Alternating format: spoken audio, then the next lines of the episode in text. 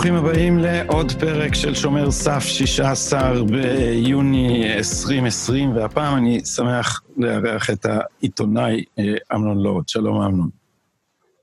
ערב טוב, גדי. אה, אז, אז אה, קודם כל, אני צריך לספר על, על היכרותנו הוותיקה. דרכנו לא הצטלבו הרבה, אבל עבדנו יחד בעיתון תל אביב, אה, תחת אה, ניצוחו של אמנון רבי, בזמן שהמקומונים היו הדבר החם, the hot thing. אנחנו מדברים על 25 שנה אחורה, ואולי קצת יותר אפילו. ואני זוכר אותך בתור הקול השקול, בתוך הברדק הזה, שהיה כיפי גם, היה כיפי, אבל היה... לא, יש זיכרונות נעימים, אני זוכר את הכתבה שאני שלחתי אותך לקיבוץ אה, משמרות, לחפש את העקבות של מישהו. נכון, היה כתבה על, על מאיר אריאל זה היה, נכון? אה, על מאיר לא, אריאל, ומצאת על... שם כמה דמויות שאף אחד לא הכיר עד אז. איסר ופנה, נדמה לי, אם אני לא... אם אני לא וואו, בטח. עד היום אני רואה אותו יושב על העגלה בדרך למטעים, אני רואה בדמיוני, מוציא עיתון דבר מול הפנים, עם הפנים אחורה. הטרקטור נוסע קדימה, הוא עם הפנים אחורה. איזה מטאפורה. איזה מטאפורה על הסוציאליזם בימינו. Uh, לכתבה, אני זוכר, אני לא יודע אם אתה נתת את השם, אבל לכתבה קראו לה מתחת לדשא היה פעם קיבוץ. וזה על קיבוץ משמרות. אתה יודע מה, אני לא זוכר את זה, אבל זה נשמע כמו משהו שיכולתי לעשות. וזה, זה, הש, השם של הכתבה התבסס על השיר של מאיר אריאל, אגדת דשא, שכל אחד מכיר, כי באמת בקיבוץ הזה צמחו מספר אדיר של כישרונות. אה, אה, מאיר אריאל, שלום חנוך, חנן יובל ועוד אחרים גדלו תחת ניצוחו של... איסר ופנה. אז uh, הרבה עבר מאז הדשא של קיבוץ משמרות ועד לרחוב מיקוניס, איפה היה ממוקם הקומנדו. רחוב מיקוניס, שמע, זה ממש מתחבר לנו למציאות, כן. והיה שם, ואני זוכר, כי היה לי יחסים, אה, יחסי אהבה שנאה עם המקומונים, זה היה תקופה של שיא האלימות בעיתונות. ממש, זה היה, המד... ואצלנו בעיתון המדור, מדור הרכילות, היה שם אה, אה, גפי אמיר ואחר כך רענן שקד, וזה היה ממש מדור סכינאות. אה, אבל כל העיתונות הייתה אז, אז, אז ככה, או העיתונות... אתה יודע מה, אני דווקא, זה לא, זה לא מה שאני זוכר, זה לא אומר שלא היה, הפינות האלה והדמויות שאתה מזכיר, אבל זה, זה היה עידן של השקעה גדולה מאוד בכתיבה, בעבודה. אה, רצון להישגיות. זאת אומרת, המוספים המיוחדים האלה שאני ערכתי שם בעיתון תל אביב, ושבהקשר הזה גם uh, אתה עלית על עקבותיו של מאיר אריאל, אני חושב שהיה בזה איזה רצון להגיע לאיזו עיתונות איכותית בהשראת ה-New Journalism, שהי, שהיום הוא Old Old Journalism, ולהשאיר איזה חותם, מתוך איזה השקעה ואהבה של התחום הזה. זה שהיו אה, קטעי רכילות כאלה נושכניים, אני לא יודע, אני בכל אופן לא, לא התעסקתי במדור הזה, אני לא... שכחתי איך הוא, איך הוא נקרא שם, מדור הרכילות הזה. כן, היה לו שם. זה לא... ש, שג'ודי מוזס הייתה עוברת עליו לפני הסגירה, כן. אני לא זוכר, אבל אני זוכר שזה היה בתקופת ציפורה בחדשות, אז לנו היה, לנו היה אה, משהו אחר. סתם, סתם. סתם, קראו נכון, לזה סתם. קראו לו סתם. דברים, אתה יודע, משינה כתבו שיר אחר כך על, אה, על, על, על, על, על סוג הרשעות שהיה אז בעיתונות. אה, שיר הרבה יותר חריף מאיך אתה ישן בלילה, עיתונאי קטן שלי. אה, ואנחנו מדברים ביום שבו קיבלנו הודעה שסגרו את, אה, את התוכנית של אה, אה, קלמן וסגל, של קלמן ליבסקין ואראל סגל. ידעת או שאני מחדש לך? לא, אני יודע, יודע על זה, וזה נשמע, מה שמדהים אותי זה שזה לא סתם לעשות את העבודה מהמקפצה, זה אפילו מאחורה, כזה להוריד את המכנסיים, זה כאילו, הוא לא שם, זה, זה פשוט קשה להאמין, אתה מסתכל על האסרטיביות הזאת, על, ה, על אלדד קובלנץ הזה, שכאילו, מי, מי אנחנו, ש, או מי הממשלה, או מי הציבור, שיבוא ויגיד לו, שמע, באיזה זכות אתה עושה דבר כזה? והאמת שהשאלה הראשונה שעלתה לי כששמעתי את זה, איזה גורם מוסמך יכול לפטר את קובלנץ? כבר הרבה זמן אני שואל את עצמי, כאילו, איזה גוף מפקח, איזה ועד מנהל, איזה נציג ציבור יכול לבוא ולהחליט שקובלנץ עוזב את המשמרת שלו? אני לא יודע. זה אה, כאילו, הוא חולש על איזה 700 מיליון אה, שקל, משהו כזה, מיליארד כן. שקל, ועושה מה שבא לו. אני לא אומר ש... תשמע, עיתונות חופשית, הוא אמור להיות, אבל זה נראה כל כך גס, המהלך הזה, ואתה אומר, באמת, זה, זה מריח מסטליניזם מקומי. ואתה חושב שבאופן אה, כללי העיתונות אה, כופה חידודים? אני, אתה, אתה מהפרשנים הבכירים של ישראל היום, אה, אז אתה עובד ב, בעיתון, ש, בעיתון שהוא ימני מובהק. האמת, גדי, אני חושב שכל הניסיון של, ה, של השנים האחרונות, בעיקר בארצות הברית, אבל גם בישראל, דווקא בארצות הברית על רקע מה שקורה במערכות העיתונים שם בניו יורק טיימס ובעיתונים אחרים, בעקבות מהומות ג'ורג' פלויד, אבל זה לא, זה התחיל הרבה לפני זה. מה שאנחנו רואים זה תופעה מאוד מעניינת. אתה לא צריך איזו דמות אוטוקרטית, דיקטטורית מלמעלה, שתייצר את הטוטליטריות הזאת, אלא מסתבר שהיישור הקו, הטוטליטריות הזאת, הרודנות הזאת, יכולה לצמוח מלמטה, בגראס רוטס, הרי כל העניין של הפוליטיקלי קורקט, של תרבות הקאנסל, שאתה מאלץ אנשים, או שאתה מסלק אותם לחלוטין ממקום העבודה שלהם, או שאתה מאלץ אותם, כמו שראינו עכשיו עם, אה, נגיד, עם המפיקה של התוכנית Friends, אה, או עם איזו מפיקה אחרת, לעשות איזה מין אה, ביקורת עצמית בנוסח הסובייטי, בנוסח הבולשביקי, הכל מלמטה, אין איזה דמות, אין איזה סטלין שאומר שצריך לעשות את זה. זה התופעה הכי מעניינת, שהטוטליטריות צומחת בימינו מלמטה. זה כאילו המשטר הריכוזי, אה, זה לא משטר ריכוזי, אלא הוא צומח מתוך שאיפות של אנשים להלשין על אנשים אחרים, לפגוע באנשים אחרים, לגזול את הפרנסה מהחברים. אז, אז חלק מהדינמיקה הזאת, ואתה יודע, מי, ש, מי שמתברר בדיעבד, כשאנחנו מסתכלים על ההוגים הפוליטיים הגדולים, התיאוריות הגדולות קרסו, אבל אלכסיס דה טוקוויל שרד.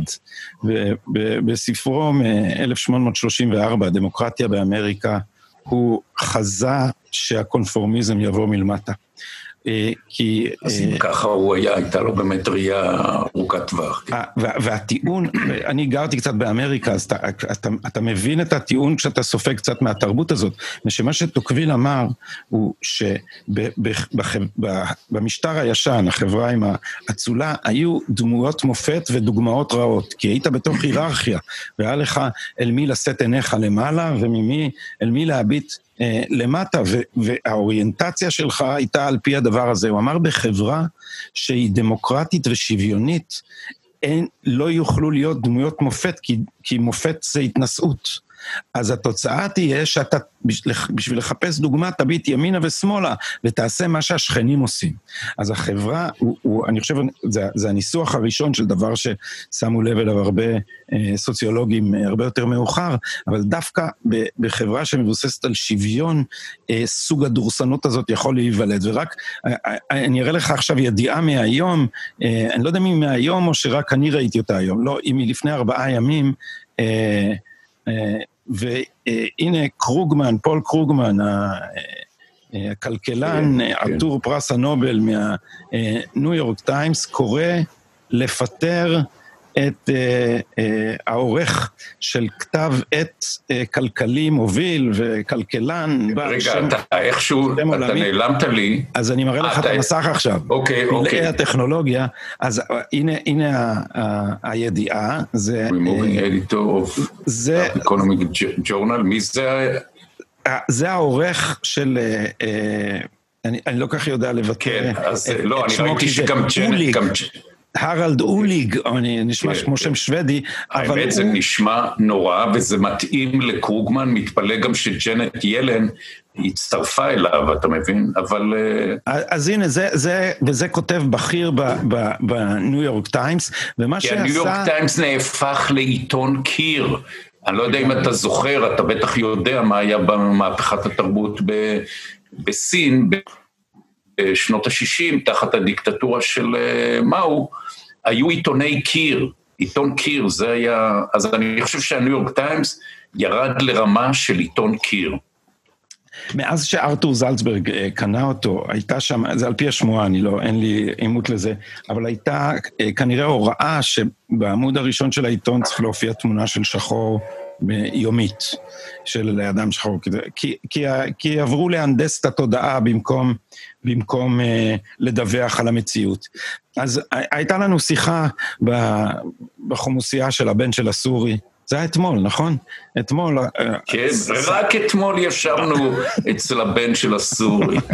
אה, והצטערתי שהשיחה לא מוקלטת, ועל כן, ועל כן התכנסנו. כי בין השאר התווכחנו והיינו חלוקים בשאלה האם הדבר הזה אה, הוא אה, מבשר של עידן פוליטי מפחיד, או שהוא אה, הקצנה עד אבסורדום של חלק קטן מתוך האליטה שהתחיל אה, להביס את עצמו. אז אני אגיד עוד מילת הקדמה אחת.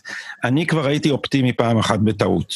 כשכתבתי את המרד השפוף, בערך בתקופה שעבדנו ב, ביחד בעיתון תל אביב, אה, חשבתי שהפוליטיקלי קורקט הגיע עד אבסורד, ושזהו, מכאן ואילך זה רק אה, ידעך. אבל אתה יותר מודאג. כן, אני, אני פחות אופטימי ממך, אני, התופעות האלה שאנחנו רואים בארצות הברית, אם אנחנו מחליטים לדבר דווקא על ארצות הברית, נראות לי הרבה יותר קיצוניות ומרחיקות לכת מסתם שיבוש של הסדר הציבורי, ואני לא חושב, אני בספק עם הכמיהה כביכול של הציבור האמריקאי ל-law and order, לחוק וסדר, תגבר ואנשים, נאמר, יצביעו למען אה, אה, הנשיא טראמפ כדי שישיב את החוק והסדר. לא, אני חושב שיש פה איזה surge, איזה גל עולה, איזה צונאמי שבמידה מסוימת הוא יותר חזק מהצונאמי של מהפכת uh, סוף שנות ה-60. גם אז היה צונאמי, ועדיין הוא לא היה מדאיג כמו שזה קורה היום, כי אתה רואה שלמעשה הם הצליחו uh, לסייס את המשטרה ולהשתלט על התקשורת. אמנם זה, זה הרבה יותר קשה מבחינה מסוימת בעבר, כשהיו הפיכות, היית שולח כמה קצינים וחיילים לאיזה תחנת שידור, משתלט על המיקרופון. פה היה תהליך אה, ארוך טווח, אה, השקעה ארוכת טווח, והנה אתה רואה שבתוך תקופה קצרה, זה לא שהניו יורק טיימס היה איזה עיתון ליברלי באמת, ופה אני מזכיר את האמירה של אה, דיוויד הורוביץ, בתוך כל אה, ליברל שוכ... אה, פרוגרסיבי, שוכן רודן טוטליטרי שמבקש להתפרץ החוצה ולצרוח. וככה זה מה שקרה. בתוך העיתון הליברלי הזה היה איזה דיקטטור עשוי ברונזה עטוף בנייר עיתון, והוא קרע את זה עכשיו, כמו איזה פרנקנשטיין, ויצא החוצה. זה מה שקורה עכשיו. ואני חושב שזה מהלך הרבה יותר מרחיק לכת. בעיקר אנחנו רואים את זה לגבי המשטרות. בכל מיני ערים, במיניאפוליס, באטלנטה, הם שיתקו אותם, הם יוצרים באמצעות ההשתלטות על המשטרה, זה לא שהם יבטלו את המשטרה, השאיפה הזאת לא תהיה, אבל המשטרה שתקום כתוצאה מההפיכה הזו, מהמהפכה הזאת, תהיה משטרה ידידותית לאלימות. יש אלימות מותרת, יש אלימות מהפכנית, צודקת, צריך לתת לה מרחב. יכול להיות שזה לא יגיע לגיליוטינה, זה לא יגיע לגיליוטינה, אבל יש סוג אחר. היום אתה יכול להיות מספיק יעיל בלי, בלי להוביל אנשים אה, לכיכר ו-off with their heads, ולדעתי הדבר הזה הוא מאוד קיצוני. אני חושב שהסיכויים שכתוצאה מזה, פעם ראשונה בתולדות אמריקה, כתוצאה מ... surge או צונאמי שמאלני קיצוני, יעלה שלטון חדש, שזה של, אה, בראשות ביידן, אבל ביידן הוא סנילי, דימנטי, והוא יהיה שליט בובה, ולפי דעתי, אישה כמו רשידה טלאייב תהיה בעלת השפעה גדולה יותר על ארצות הברית ועל המדיניות שלה מאשר הנשיא עצמו. אז אה, אה, אני אוסיף אה, מילה לגבי הפסימיזם שלך ואני, ואני אנסה לענות אה, למה, למה אה, אני חושב שאתה פסימי מדי. אז אם אני מבין נכון מה שאתה אומר, אז, אז הפעם ההשתלטות על אמצעי התקשורת, או מה שאוהבים לקרוא יצור השיח, אה, יצור הידע, היא הרבה יותר אה, תשתיתית מאשר כמה קצינים משתלטים על תחנת שידור, כי זה פשוט קאדרים שהשתלטו על כל האקדמיה, על כמעט כל התקשורת, ו- ולכן זה... זה הרבה יותר חמור. נכון, ההתנהגות של חברי המערכת בניו יורק טיימס הייתה כמו התנהגות של סטודנטים בכיתה. הם הקימו קול זעקה. אנחנו מאוימים מהעורך הזה שפרסם את המאמר של uh, הסנאטור קוטון. אה, אז, אז אה, אני פחות פסימי. א', אני פחות פסימי מכיוון שהאמצעי התקשורת האלה כבר... במידה רבה איבדו את סמכותם. וזה דומה מאוד למה שקורה אצלנו. תראה, התקשורת כאן, למעט ישראל היום, מקור ראשון קצת, אה, ערוץ 20 קצת, תקשורת באופן כללי זאת אה, מקהלה שכמעט נשלטת על ידי השמאל. אני מצחיקים אותי כל הטוויטים האלה שאומרים, אבל הנה אחד, שניים, שלוש, הנה יש סגל, הנה יש סגל השני, יש פה, אני בתקשורת הרבה זמן, בתקשורת הישראלית, פאנל של חמישה שמאלנים וימני, זה נקרא פאנל מאוזן. אבל מאז שיש רשתות חברתיות, לא מאמינים להם. אז השליטה הזאת בתודעה היא, אה, היא, היא שליטה מדומה. ואז אנחנו רואים אה, את ההפתעות בסקרים, וההפתעות האלה חוזרות על עצמן. ראינו אותן בברקזיט וראינו אותן ב, ב, בארצות הברית. שנית, אני חושב שהדינמיקה של אמריקה היא דבר באופן עקרוני שמרני. זאת אומרת, יש אליטה מאוד דינמית, אבל ה, המסה של האזרחים האמריקאים, האמריקאים הם, אה, אה, זאת חיה שמשתנה מאוד מאוד לאט, ולכן ההקצנה של המפלגה הדמוקרטית, ההיסחפות שלה אחרי הסקווד, מה שטראמפ קורא AOC פלוס 3, אלכסנדרה אוקזיו קורטז, אגב אני מבין שקוראים לה סנדי. סנדי קורטז ורשידה טליב ואילהן אה, עומר ותמיקה מלורי, אה, זה לא תמיקה מלורי, זאת ממצעד הנשים. שכחתי את השם של הרביעית, אבל ההיסחפות שלהם אחרי הסקווד ואחרי ברני סנדרס, הדבר הזה הוא אה, אה, ינקר מהם את המרכז. ואם אפילו באנגליה ראינו ש... הלייבור הבריטי שקורבין השתלט עליו ספג מהלומה אה, בבחירות בגלל ההקצנה שלו, אה, יש לפחות סיכויים טובים שזה יקרה בארצות הברית גם. אתה לא מסכים? אני לחלוטין לא מסכים, כי אני חושב שהמהלומה שקורבין חטף, מתי זה היה? לפני חצי שנה? כן. משהו כזה, אולי יותר, אה, לפני... אתה יכול להגיד, הייתי אומר בשנה שעברה, אפשר להגיד במאה שעברה. הקורונה, יחד עם המהומות האלה, יצרו סוג של עולם חדש. אני חושב שהקורונה יצרה איזו תשתית, ב... אם, אם הרחובות היו מלאים ושוקקי חיים כמימים ימימה, המהומות לא היו פורצות בצורה כזאת. אבל זה עניין אחר. כרגע אנחנו במציאות אחרת, ואני חושב שההוכחה המדאיגה ביותר לזה שהעולם השתנה, זה שמי שמש...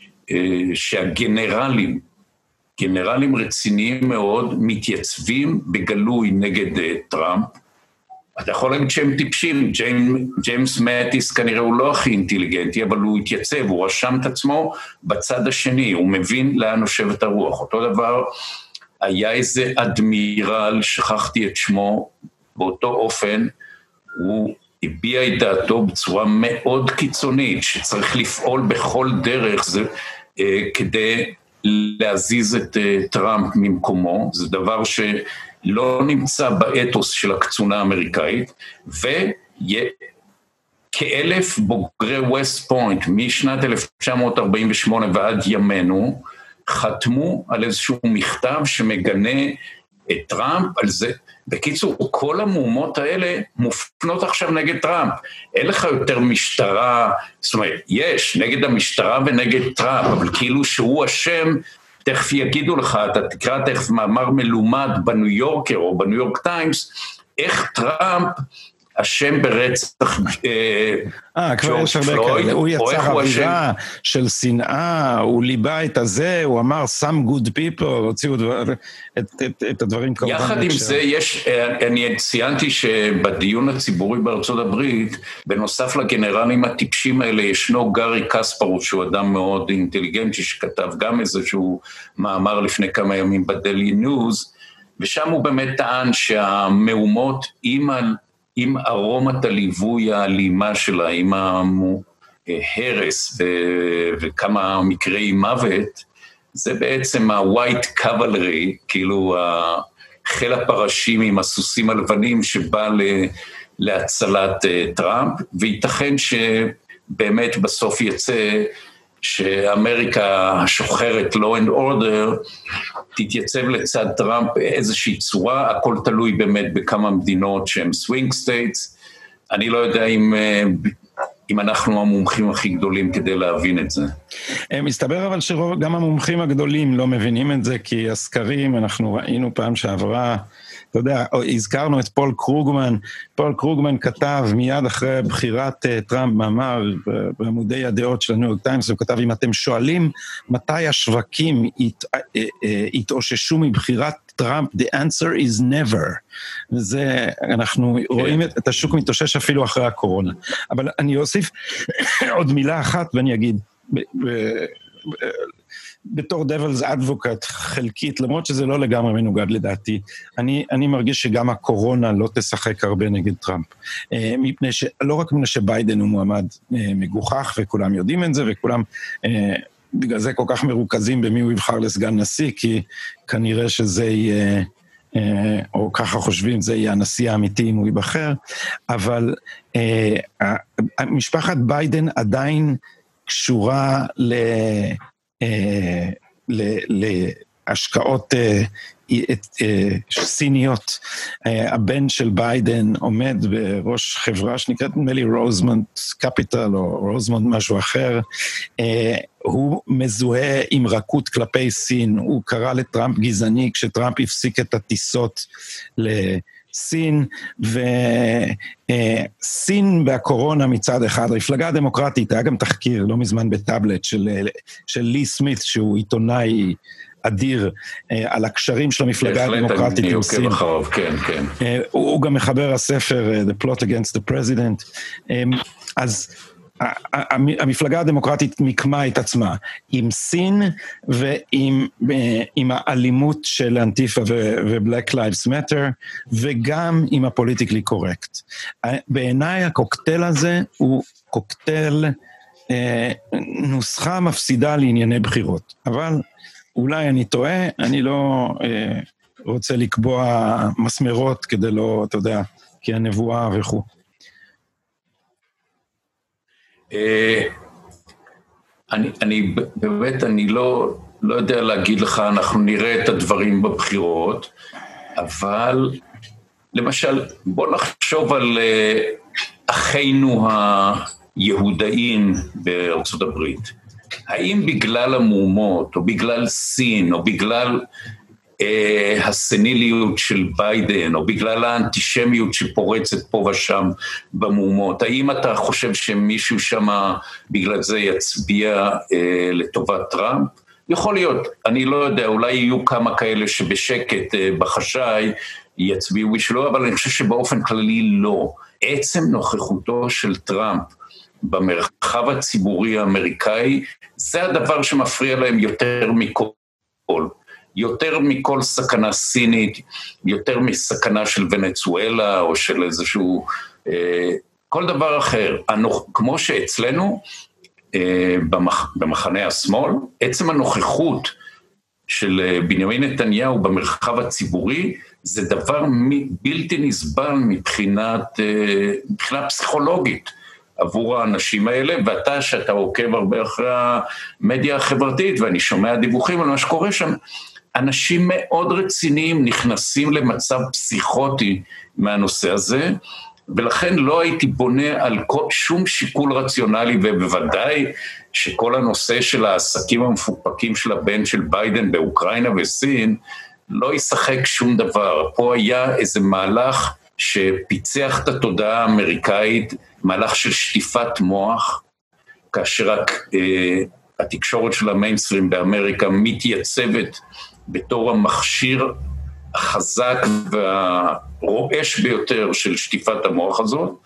ולכן אני נשאר פסימי, אה, פסימי כמו, אתה הזכרת את טוקוויל, שאני לא כל כך מתמצא בו, אבל הוא אמר שהדמוקרטיה, ואנחנו לא, בואו לא נהפוך לאנטי דמוקרטים בגלל זה, אבל המצב הזה מאפשר, בייחוד היום עם המדיה החברתית, להכניס ציבורים מאוד גדולים למצב של חמת טירוף ופסיכוזה. אה, אה, אני מסכים חלקית. אה, אני אוסיף עוד דבר אחד ואז נעבור לישראל. אני רוצה להזכיר את הרעיון שלך מן הזמן האחרון עם נתניהו, אבל אני חושב שסין כן תשחק תפקיד מסיבה שהיא לא קשורה רק לשחיתות של ביידן, אלא בגלל הקורונה. אני, יצא לי להגיד כמה פעמים שאמריקה מתחלקת לשניים. אלה שחושבים שהקורונה היא אשמת סין, ואלה שחושבים שהקורונה היא אשמת טראמפ. עכשיו, לוגית, יש, יכול, יכולה להיות חפיפה בין הקבוצות, אבל מעשית אין. הדמוקרטים שאתה מדבר איתם, מאה אלף מתים על מצפונו, זה בגללו, זה הוא עשה את זה. לעומת זאת, החצי השני אומר, הסינים אה, עשו את זה על ידי הולכת כולנו שולל, ועכשיו טראמפ הוא היחיד שיעמוד נגדם, והנה ביידן הוא חבר שלהם. ועל זה אני רוצה להוסיף גם את זה שאובמה גייט זה דבר שאתה יודע, כל מיני עיתונאים עדיין רציניים אומרים לי תיאוריית קונספירציה, שזה שיא הצחוק. אנחנו אכלנו תיאוריית קונספירציה מגוחכת על זה שטראמפ הוא סוכן רוסי במשך שלוש שנים, ועכשיו מתברר איך טבעו את השקר הזה, וכשאתה אומר שזה שקר, אומרים לך שזו תיאוריה קונספירציה, זה דבר שעוד uh, מעט יגיע. Uh, יגיעו התוצאות של חקירת דורהם, אני לא רוצה להגיד אה, דוח, כי התובע המיוחד שמינה ביל בר, אה, ג'ון דורהם, אדם מאוד רציני, לא מזמן שאלו אותו והוא אמר, אני לא הולך לכתוב דוח, אני הולך להגיש כתבי אישום. על אה, אנשים כנראה בכירים, ביל בר כבר רמז שמות שאתם מכירים, הוא אמר. אבל, אבל אני רוצה שנספיק לדבר גם קצת על מקומותינו, והריאיון שאתה עשית עם, עם בנימין נתניהו, כמה מתי זה? שבועיים? יותר? אה, כש... בערך לפני שבועיים, כן. אה, אז, אז שם אה, הוא אמר, בין השאר, שאין בכוונתו לתת אזרחות לתושבים ערבים בבדיקה, בבקעת הירדן לאחר החלת, החלת החוק. עכשיו, הוא, הוא, הוא אמר גם שהוא מתכוון למובלעות, כמו ביריחו, שאני מבין איך היא יכולה להישאר תחת... אה, תחת האוטונומיה הפלסטינית שתהיה, או מה שתהיה, ולא יחול עליה החוק הישראלי. אבל האם לדעתך הוא מתכוון שבמקומות שבהם יחול החוק הישראלי פרופר, יהיו תושבים שלא אה, אה, יקבלו אזרחות? תראה, אני באופן, רשמתי לעצמי לשאול אותו ספציפית. אנחנו מכילים את הריבונות, מכילים את החוק הישראלי. ישראלי באזורים מסוימים, זה אומר שאנחנו חייבים אה, לאזרח את כל תושבי, התושבים הערבים שנמצאים באותו שטח. עכשיו, הוא לא התייחס לכל? הנקודות, אבל הוא... מה? זו עמדתך. זאת בהחלט עמדתי, כן, כן. שטחים שאנחנו מכילים עליהם ריבונות ישראלית, מכילים את החוק, אין מנוס אלא להעניק את מלוא הזכויות, כולל זכות הבחירה, לאותם אה, ערבים פלסטינים שנמצאים שם. עכשיו, הייתי מגדיר את התשובה שלו כסוג של התחמקות, כי הוא התרכז באמת ב, ביריחו, או ב... הוא לא הזכיר את, הש, את המילה אוג'ה, אבל יש גם את... אה, את העיירה אוג'ה שנמצאת אה, ממש על כביש הבקעה, ואכן זה, זה שטח שנמצא ברשות הפלסטינית, אז מובן מאליו שבאמת המקומות האלה יישארו בידי הפלסטינים, וכמו היום אנחנו נעבור דרך טריטוריה פלסטינית, כן, אם מי שנוסע בכביש הבקעה, הוא עובר, שלפעמים הוא רואה אה, כלי רכב של המשטרה הפלסטינית משני צידי הדרך. אז לעומת זה, אני חשבתי דווקא על מה שקורה אה, באזור הג'יפטליק וצפונה, אנשים צריכים להכיר את הכביש הזה, אני מבין שלא כולם מכירים את זה, למרות שזה כביש אה, אה, מאוד חי ואהוב. שם יש, הייתי אומר, כמה אלפי ערבים, רובם בדואים, חלק בדואים פלסטינים, לא יודע איך תגדיר אותם, הם נמצאים שם, הם... פעם הם היו מאוד מעטים, היום הם כבר באמת אלפים, אני לא יודע אם מישהו ספר כמה, לפי דעתי אין מנוס, האנשים האלה לא יהפכו אותם פתאום לאיזה מין אה, בועה כזאת בתוך השטח, ותלכו לאבו, לאבו מאזן, תבקשו להצביע. לא, אם החלת שם את הריבונות שלך, ואני מאוד בעד שאנחנו נשים... אה, שאנחנו נכיל את, את החוק הישראלי ויהיה לנו את כל מרחב הבקעה כשדרה מזרחית של מדינת ישראל, אז כן, אז האלפים האלה צריכים להיות, לא מדובר במאה אלף ולא מדובר בחמישים אלף, אבל זה אלפים ש, שיצטרפו ל, לאוטובוסים של הערבים הנוהרים לקלפיות. אם הם ירצו. מה, מה אתה אומר לאנשים? אני, אני הופתעתי מאנשים בימין החילוני שחלקם אנשים נבונים שאמרו לי, מה פתאום, אנחנו לא צריכים לתת להם אזרחות, הם אויבים. לדעתי הם תלושים לגמרי, הם בוודאי יכולים להמציא לך כל מיני הסברים ותירוצים מאוד מלומדים מתולדות ההיסטוריה והמשפט הבינלאומי, שזה לא עובד. שמע, ופה, בוא נודה, מישהו יגיש אחרי החלת הריבונות, אה, מי שיגיש עתירה בנושא הזה של אה, אם, אם יוחלט לא לאזרח אותם לבית המשפט העליון, אז uh, אתה ואני נתמוך בעתירה הזאת, כיוון שבית המשפט העליון בבג"ץ בוודאי יגיד שלא יעלה על הדעת שתושבים כלשהם, שאנחנו החלנו עליהם את השלטון עם מלוא הזכויות שלנו ועם החוק ועם הריבונות, שהם לא יהפכו לאזרחי ישראל. אתה חושב, אני... אתה, אתה, אתה חושב שזה רוב, ה, רוב הימין בדעה הזאת? האמת, אני לא יודע, רוב הימין לא חושב על הדברים האלה. נדמה לי שבזמנו, אה, למשל נפתלי בנט, אני חושב, התייחס לאפשרות הזאת, והוא אמר, כן, אה, נדמה לי, אני לא רוצה לדבר בשמו. כן, הוא, הוא אמר מאה אלף... הוא הבין שה... שהדברים האלה מחייבים אותנו לאזרח אותם. וכך גם אה, איילת שקד. כך גם קרולין גליק. וגם ציפי חוטובלי, שהיא סמן ימני בתוך הליכוד. עכשיו, יש סוג מסוים של ימין, שלא השקיע מספיק מחשבה בנושא הזה, שמתעסק רק בבעיית הצירים, או בנייה לימינה, שמאלה ולגובה. אני חושב שצריך לחשוב במושגים קצת יותר לאומיים, היסטוריים, מאשר הטבעות של אה, יישובים אה, מבודדים כאלה ואחרים, שקלמן ליבסקין יכול לספור אותם על יותר מכמה ידיים. אה, דבר איתו בהזדמנות. אתה חושב שההתנגדות המיידית שזה מעורר בי ובך נובע בין השאר מעברנו בתור מצביעי עבודה אי אז?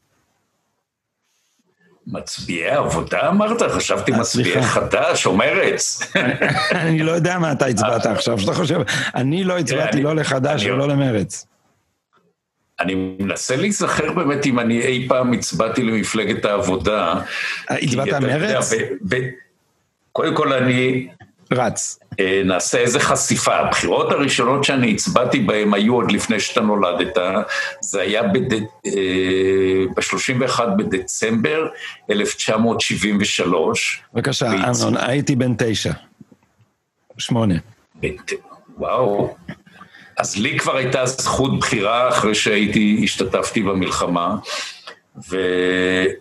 והצבעתי למפלגה הכי שמאלית שעוד אפשר היה להחשיב אותה כציונית, זאת הייתה שלי? מוקד. עם, של מי... שלי לדעתי עוד לא הייתה קיימת, אני לא יודע, אבל זה היה אה, מאיר כפעיל. הוא היה כאילו ה... הדמות האטרקטיבית, אה, מושך את הקולות של השמאל, שהוא שמאלה מהמערך, אז הצבעתי, אה, נדמה לי שהוא קיבל מנדט אחד. אה, הצבעתי למרץ ב-92, אני לא זוכר, אני חושב שהצבעתי פעם אולי גם לעבודה, אולי, אתה יודע מה, אני לא יודע, אולי ב-81, לא. אבל באופן כללי הצבעתי למרץ, באיזה הקשר שאלת אותי? כאילו... אז, אז אני, אני אחזור לשאלה, אתה יכול לענות עליה רק בקצרה, כי כן, אני יותר כן, מתעניין במה קרה לך. אני חושב שיש השפעה, יש. יש השפעה על העבר השמאלי, עצם זה שהמושג הזה של מדינה פלסטינית אה, לא מפיל אותך ואותי מהכיסא, לפחות אותי, אם מישהו יבוא ויוכיח לי ויראה לי שמדינה פלסטינית פותרת את הבעיה של מדינת ישראל, ואני מתכוון קודם כל למדינת ישראל, אבל אי אפשר להתעלם מאוכלוסייה של איזה כך וכך אה, ערבים פלסטינים בגדה המערבית. אז המושג הזה הוא לא זר לי, זה לא דבר שאני אתאבד בגללו, זה דבר שאני יכול לחיות איתו, ואני חושב שאנשי ימין אה, שורשיים, שכל חייהם אה, גדלו שם, קשה להם עם הדבר הזה. אה, אז עכשיו אני רוצה לשאול אותך על, על, על המעבר שלך משמאל לימין, כיוון שלי זה קרה יחסית מאוחר ובהדרגה, ואני חושב שאני יכול לתת דוח די מדויק, עשיתי את זה בכמה הזדמנויות, על איך זה קרה, אבל אתה הקדמת, אתה כבר בעיתון תל אביב אתה היית... אה, היית אז בעיצומו של המעבר, אני זוכר שהסתובבת במסדרון ונחשבת חשוד בעיני אחדים.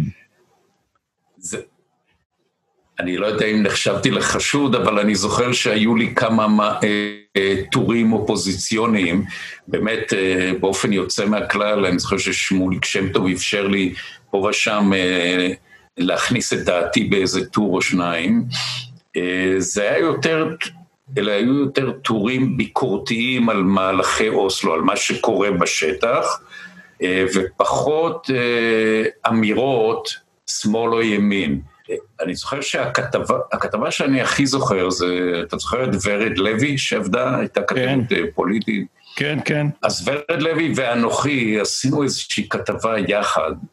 זה היה איפשהו ב-94, כשכבר היה הסכם אוסלו, כשכבר אה, כוננה הרשות הפלסטינית, כשכבר היו ציפיות לאיזשהן רוחות של שלום, כן? ו... עברנו, אני זוכר, כל הקונספט של הכתבה היה אה, לפנות ל... הייתי אומר, יותר מ-20 אנשי שמאל מאוד בולטים, לשאול אותם, כי הייתה הרגשה שבאמת הביטחון כבר מידרדר, ושזה לא מה שציפינו. אנשי שמאל מהסוג, ש... ואני אגיד לך מי פחות או יותר היו שם, רק דמויות שהיו מאוד מרכזיות. יוסי שריד היה שם, יולי תמיר הייתה שם. אפילו יהושפט ארכבי עוד הספיק לדבר איתנו, אה, והוא לא היה בדיוק איש שמאל.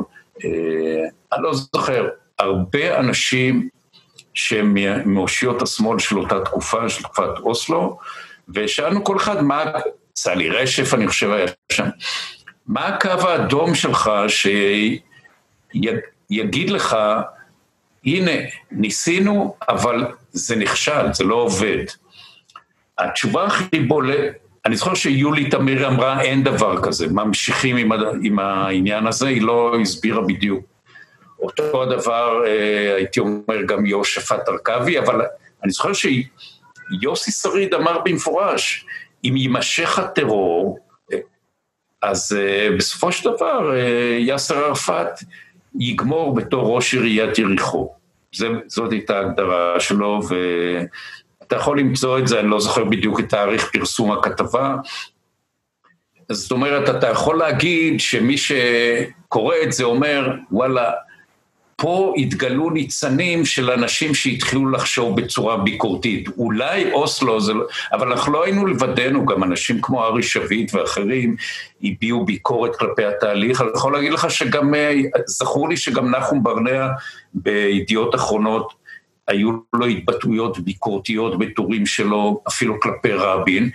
זה, זה, להיות ביקורתי באותה תקופה, זה לא היה יוצא מהכלל, אבל רגעי המבחן זה לקראת הבחירות. בשלב מסוים אתה אומר לעצמך, רגע אחד, אתה ממשיך לתת אמון בצמד הזה, אה, יצחק רבין ושמעון פרס, ונושא הכלים שלהם יוסי ביילין, או שלא.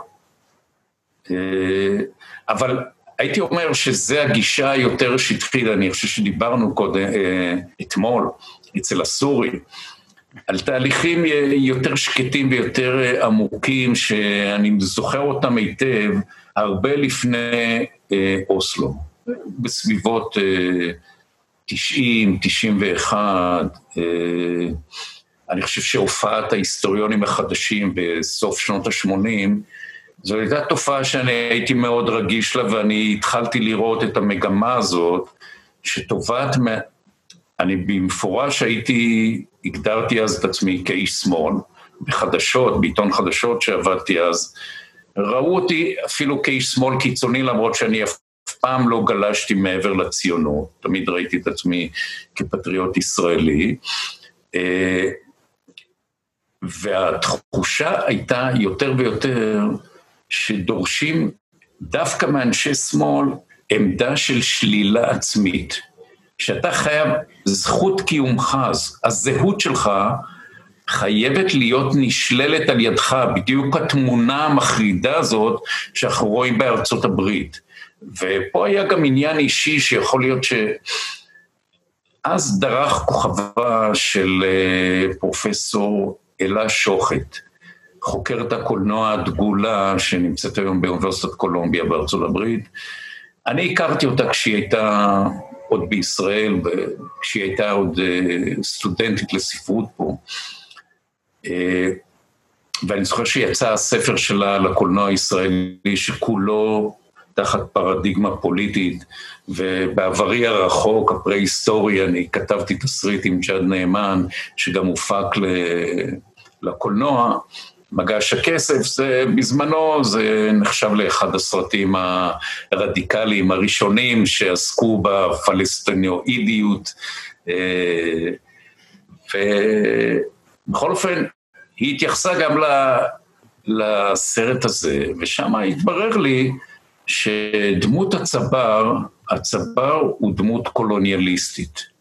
זה, הוא חייב לשלול את עצמו הוא לא יכול, אין דבר כזה שמאל ציוני, הוא חייב להצטרף לפלסטינים. ואז גם הרגשתי ש...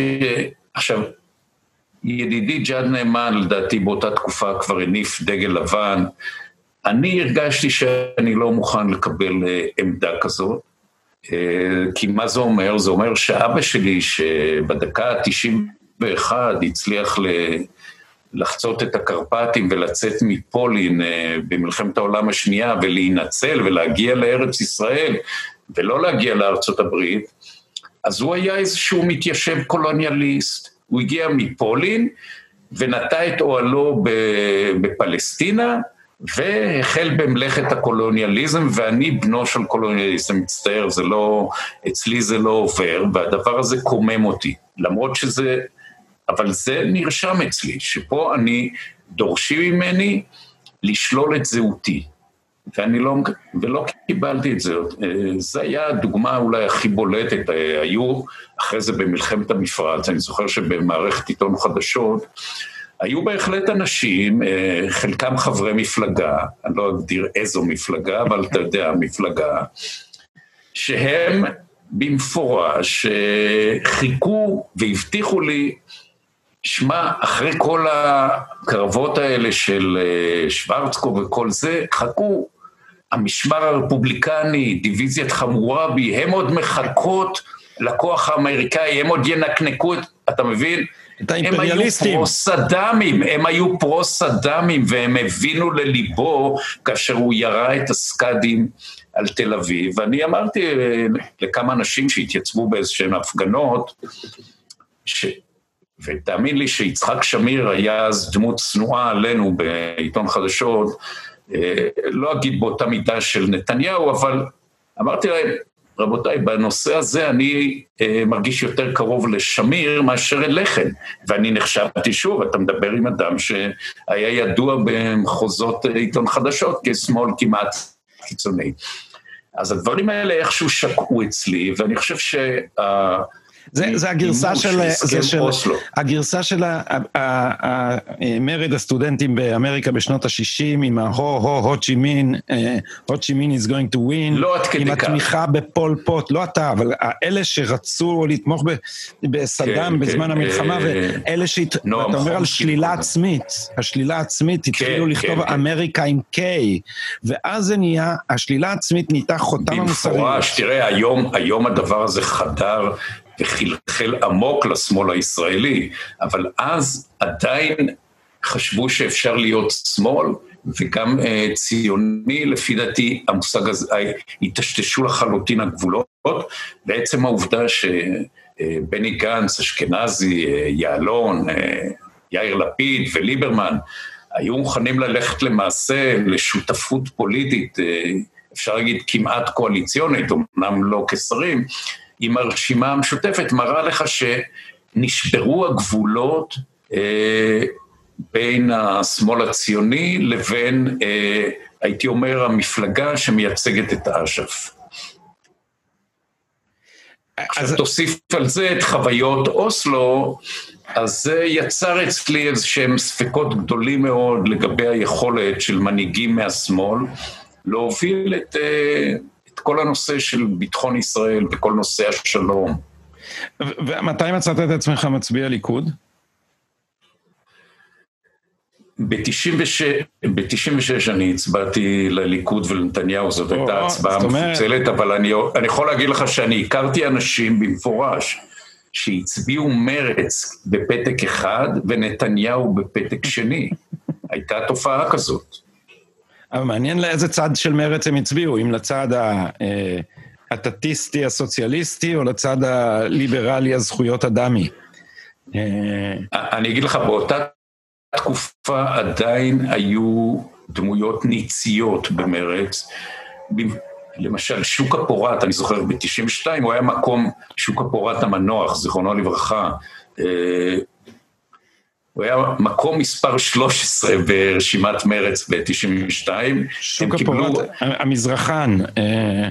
אה, כן, כן. בעל הקול הצפצפני, אני זוכר שהיו אומרים עליו שהקרחת נשרפה לו מרוב, שהשערות נשרפו לו מרוב שכל, ושהוא קורא שמונה שעות ביום וזוכר הכל. אבל אני זוכר את האזהרות שלו, הוא אמר, אתם לא קוראים מה אומרים הערבים, שלום לא עולה על דעתם בוודאי, והוא גם, uh, חוקר מובהק של התנועה הלאומית הפלסטינית, הוא כתב על זה את ספרי היסוד, אז ככה שאפשר היה לתת בו אמון, ובוא נגיד ככה, הוא הצביע מרץ, לפי דעתי, אה, לראשות הממשלה, הוא לא הצביע לשמעון פרס, הוא שנא את פרס. לא יודע למי הוא הצביע, אבל הוא לא הצביע לפרס. אז אתה אבל הצבעת לנתניהו מיד אחרי רצח רבין. בתוך הקשר של שמאל, זה, זה לא כמעט... זה לא מיד, זה מרחק של איזה שבעה חודשים. זה מיד, אמנון. זה, זה מיד. אני, זוכ... אני זוכר, אני הייתי אז בשמאל, ואני זוכר שהיינו בטוחים שרצח אה, רבין יקבור את הימין לנצח וזהו, ו... ו... וזה לא קרה. ו... ו... וקמנו בבוקר עם נתניהו, ו... אתה יודע, בשמאל, הרי אני, אני לא צריך לספר לך איך עכשיו ה... אה, רבין הפך לאביזר אה, השתקה ומניפולציה, שכל פעם שאתה מבקר אה, שופט בבית המשפט העליון, שמים לו שומר ומזכירים לך את רצח רבין. אבל אז הרוחות היו לוהטות, ואתה הצהרת שאתה מצביע נתניהו, או שהסתרת את זה מסביבתך הקרובה? תשמע, אני כבר סיפרתי את הסיפור הזה הרבה פעמים. מה זאת אומרת הצהרתי?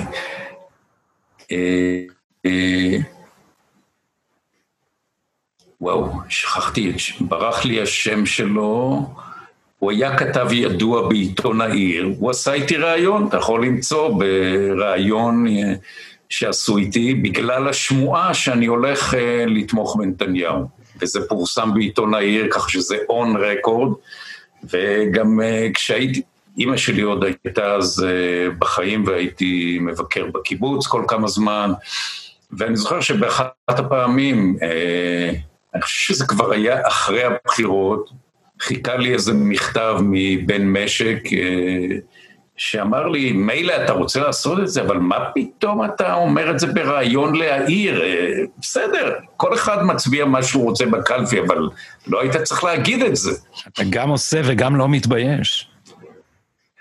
האמת, זה מראה לך שהייתה לי תחושת ביטחון במה שאני עושה, משום שהרגשתי שרבין ופרס איבדו את הבלמים ואין להם את היכולת אה, למשוך הנדברקס ולשקול מחדש. גם ראיתי שבשמאל אין נטייה לביקורת, לבדיקה האם מה שאנחנו עושים יש לו איזשהו תוקף, האם זה לא הולך אה, להביא סכנות הרבה מעבר למה שאנחנו מדמיינים.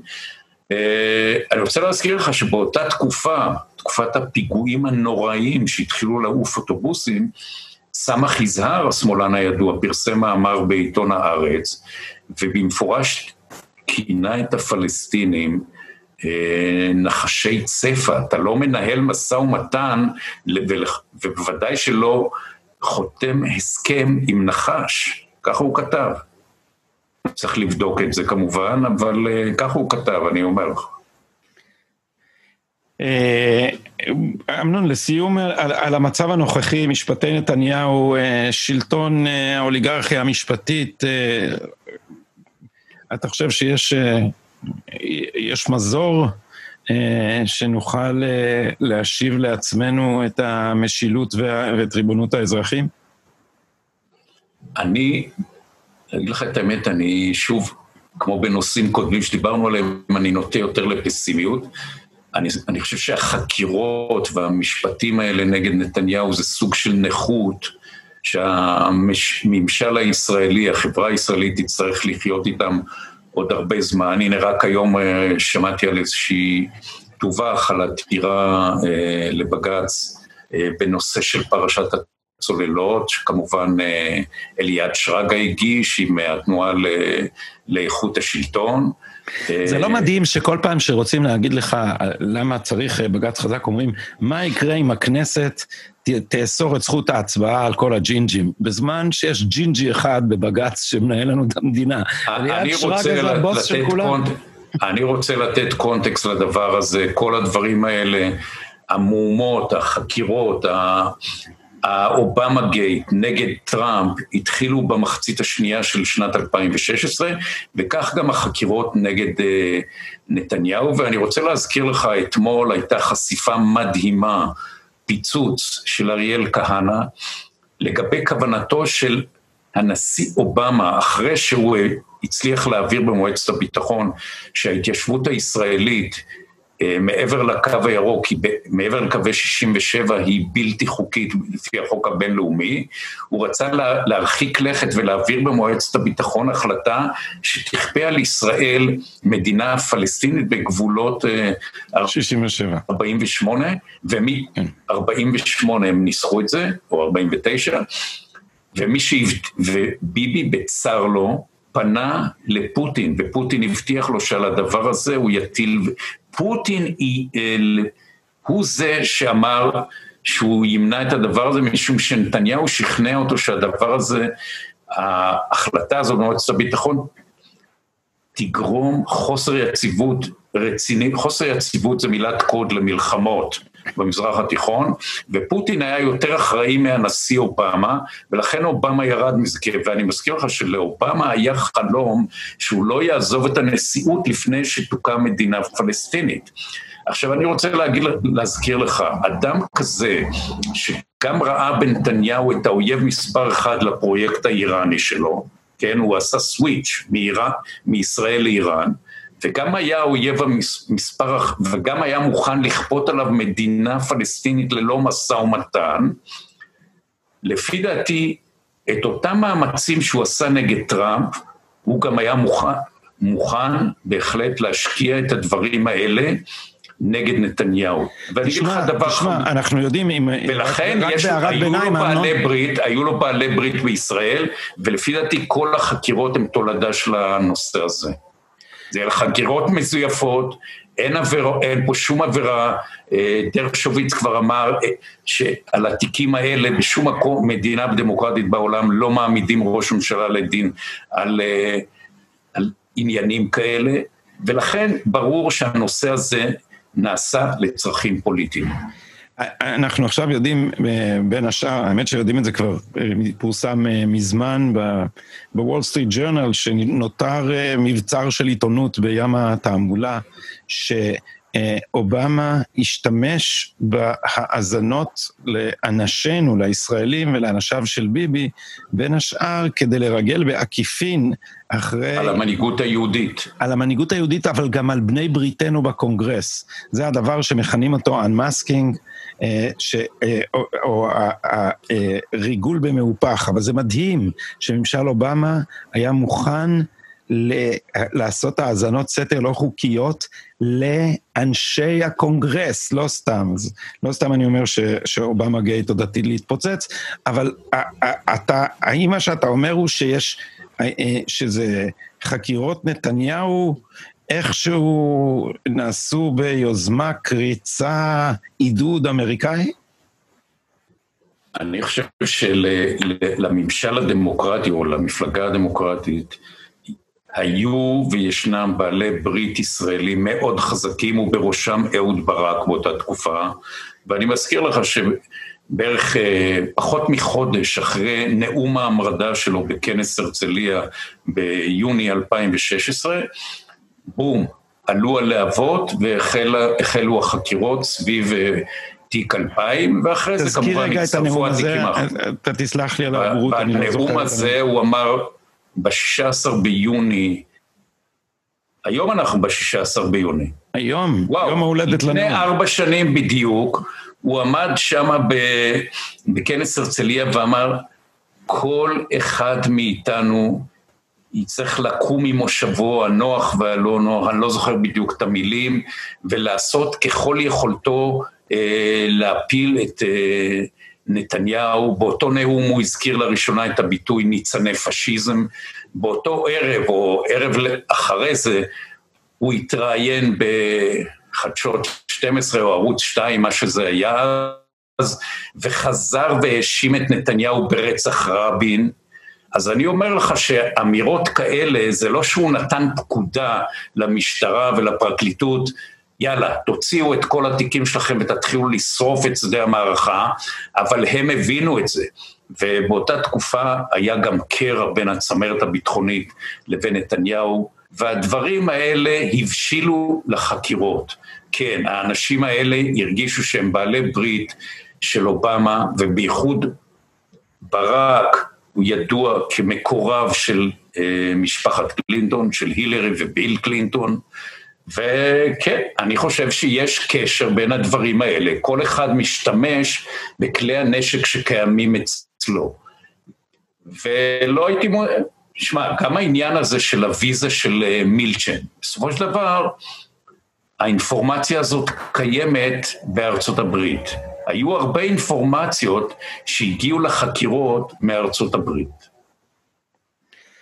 אה, יש שיגידו תיאוריית קונספירציה. אני אגיד לך עוד דבר, גם פרשת הצוללות, יש לה שני, שני צדדים, יש את הצד הישראלי והצד הגרמני. בצד הגרמני עמד היועץ לענייני חוץ וביטחון של מרקל, אה, הויסגן, שהיה מאוד מעורב בעסקי הצוללות, ואני בטוח שהיה לו עניין, כי לא פעם היה נראה שאובמה הוא לא יותר משר החוץ של מרקל. כך שאני מצביע פה פשוט על גורמים שונים בזירה הבינלאומית ובוודאי בזירה המקומית, שהיה להם עניין לחסל את נתניהו, לחסל אבל לא להביא להלוויה. אה, אבל עכשיו ג'פרי אפסטיין מת ולא נדע את האמת על חלק מהדברים האלה. אה, אמ, אמנון לורד, זה היה אה, תענוג לשוחח איתך. אה, אני מציע שנעשה מזה מנהג פעם בתקופה, ונעשה סקירה של העניינים. אה, ושנאכל חומוס בסורי. שוב, אני רוצה להדגיש שהסורי ואו הבן שלו, לא כל שכן המשטר הסורי הקורס, לא מממנים אותנו, וכל מה שנאמר כאן עליהם נאמר לגמרי בהתנדבות. אמנון, תודה רבה. נשתמע. תודה וערב טוב, גדי. להתראות.